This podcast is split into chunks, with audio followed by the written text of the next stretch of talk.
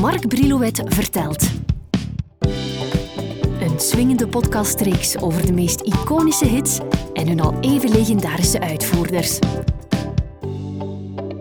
Nadat de Beatles al heel wat ervaring hadden opgestoken door hun optredens in de Liverpoolse Cavern en in een aantal bekende clubs in Hamburg, smeken ze hun manager Brian Epstein of die geen opname kan versieren om hun eerste plaat in te blikken.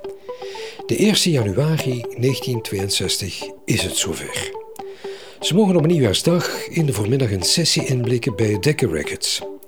Uit voorzichtigheid besluiten ze zo weinig mogelijk eigen nummers te brengen en zoveel mogelijk covers die ze erg goed onder de knie hadden gekregen.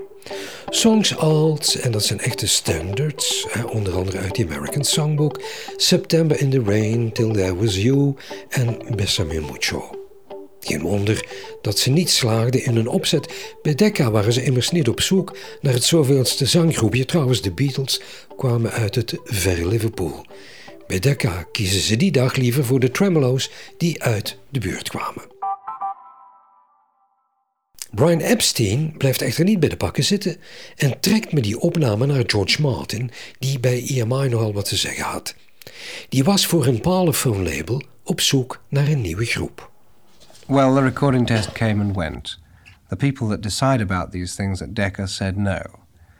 Well, you can imagine I was more worried about what I was going to say to the boys, having built up their hopes. So I allowed myself a final 24 hours to exhaust the remaining disc companies, and I booked into the Green Park Hotel. In the morning, I took a cab to the EMI office block in Manchester Square, London, to meet the man who would within less than two years produce 16 number one discs by my artists. De 6 juni 1962 is het dan zover. De Beatles mogen enkele nummers inblikken in de Abbey Road Studio in Londen. En toen ik daar een bezoek bracht, heb ik samen met toenmalig general manager Ken Townsend op dezelfde spot mogen staan in Studio 2, daar waar de Beatles die dag van 7 tot 10 s avonds vier songs inblikten.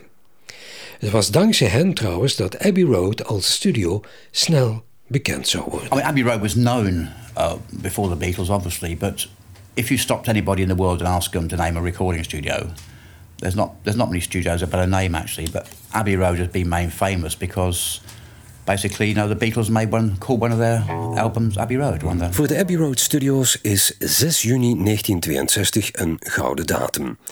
Die dag arriveerden immers de Beatles voor de eerste maal in de studio's met het oog op een auditie, of noem het maar een commerciële test. Zowel voor producer George Martin als voor EMI.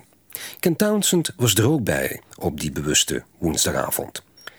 De Beatles arriveerden in een nogal versleten bestelwagen met al even versleten apparatuur. Niet dat ze door die dingen opvielen. Het was hun manier van doen, hun samenspel, hun voorkomen dat iedereen opviel. Vooral hun Liverpools accent en hun speelse invalshoek zijn Ken Townsend bijgebleven. We keren even terug naar toen. Vier nummers werden als test ingeblikt. Ask Me Why, P.S. I Love You, Love Me Do and Bessame Mucho. It was actually billed as a commercial test. And I've been working with George Martin on some outside recording, I think at the Establishment Club or somewhere. And I got a phone call from Abbey Road saying, could I work on this session? I think I was the last resort, actually. um, I remember, I remember George telling me that this particular session was with this young group from, from Liverpool. And um, Norman Smith was assigned as the engineer. He thought I'd give Norman Smith a chance because normally he was using Stuart Eltham or Peter Bell on most of his sessions. And that particular evening was the 6th of June 62. Um, it was in Studio 2. Um, and I recall vividly when they came in through the door. And um, we went down to sort of set up their gear. And um, the the standard of their equipment was pretty grotty that night actually, and um, but it was a very interesting session actually, and there were quite a different looking lot of people to what um, we'd normally had in the studio. Did you really record something? Oh yes, we recorded. We did after a while. I mean, initially Paul McCartney's bass guitar was pretty pretty grotty actually, and we went. We went into the echo chamber and took a tannoy loudspeaker, and I fixed up a TL12 leak amplifier, a wired upper jack socket to it, and got that back moving. Otherwise, you know, it, there was a lot of sort of um, distortion coming out right. of the amp. What was your first impression when you saw the boys? I remember going home that night and telling my wife um, that we had a, a, strange lot in tonight called the Beatles. Um, they were quite unusual because their their accent and voices were quite unfamiliar to what we get in the south of England, and they were quite good fun as well, actually, and very very, very pleasant. And it was a quite an enjoyable session. I think it finished early, in actual fact.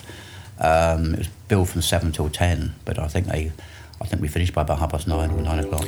Which songs did you record? Besame Musho, I think Love Me Do, Ask Me Why, and a couple more.